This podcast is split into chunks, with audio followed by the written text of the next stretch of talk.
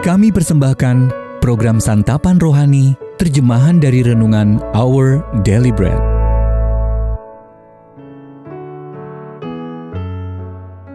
Sahabat ODB, pembacaan Alkitab hari ini terambil dari Mazmur pasal yang ke-27 ayat yang pertama sampai dengan ayat yang ke-6.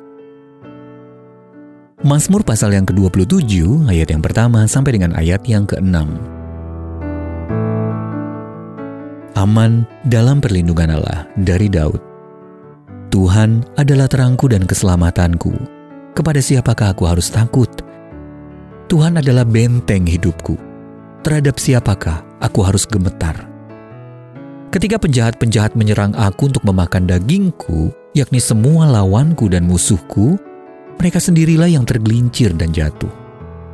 Sekalipun tentara berkemah mengepung aku, tidak takut hatiku sekalipun timbul peperangan melawan aku. Dalam hal itu pun aku tetap percaya. Satu hal telah kuminta kepada Tuhan, itulah yang kuingini. Diam di rumah Tuhan seumur hidupku, menyaksikan kemurahan Tuhan dan menikmati baitnya.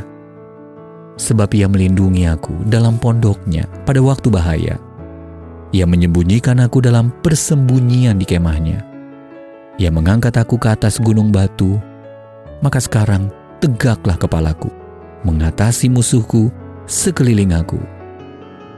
Dalam kemahnya, aku mau mempersembahkan korban dengan sorak-sorai. Aku mau menyanyi dan bermasmur bagi Tuhan.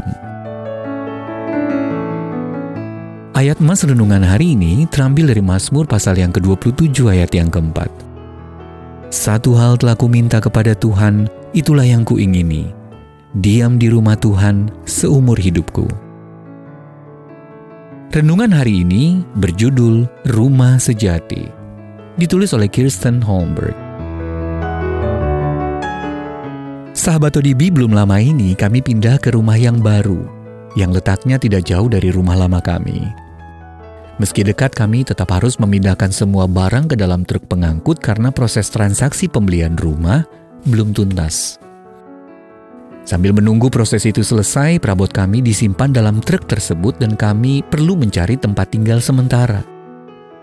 Pada masa-masa transisi itu saya terkejut menyadari betapa saya merasa tenang dan kerasan, meski harus berpindah-pindah.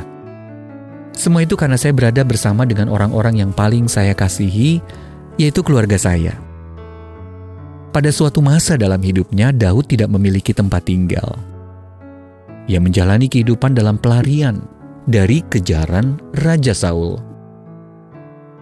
Saul menganggap Daud sebagai ancaman dan mencoba untuk membunuh penerus tata yang ditunjuk Allah itu. Daud melarikan diri dari rumahnya dan tidur di mana saja ia dapat berteduh.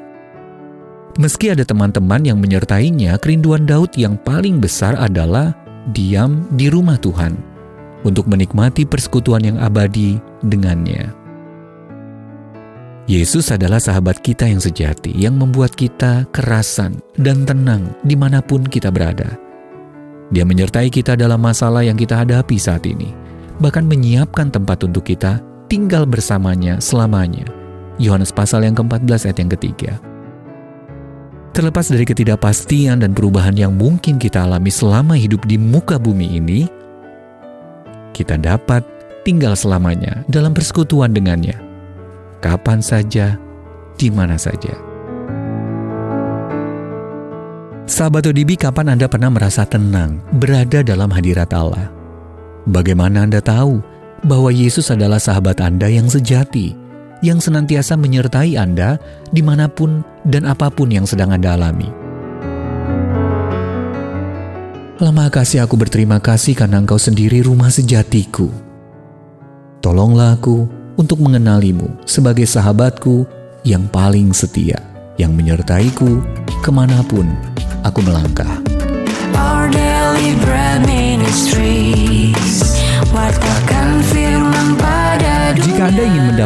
buku renungan ini dalam bahasa Indonesia, Inggris, atau Mandarin, WhatsApp kami di 0878 7878 9978 atau kirimkan email Anda ke indonesia@odb.org.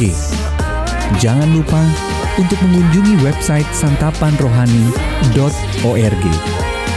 Persembahan kasih dari Anda memampukan Our Deliberate Ministries menjangkau orang-orang agar diubahkan. Tuhan memberkati.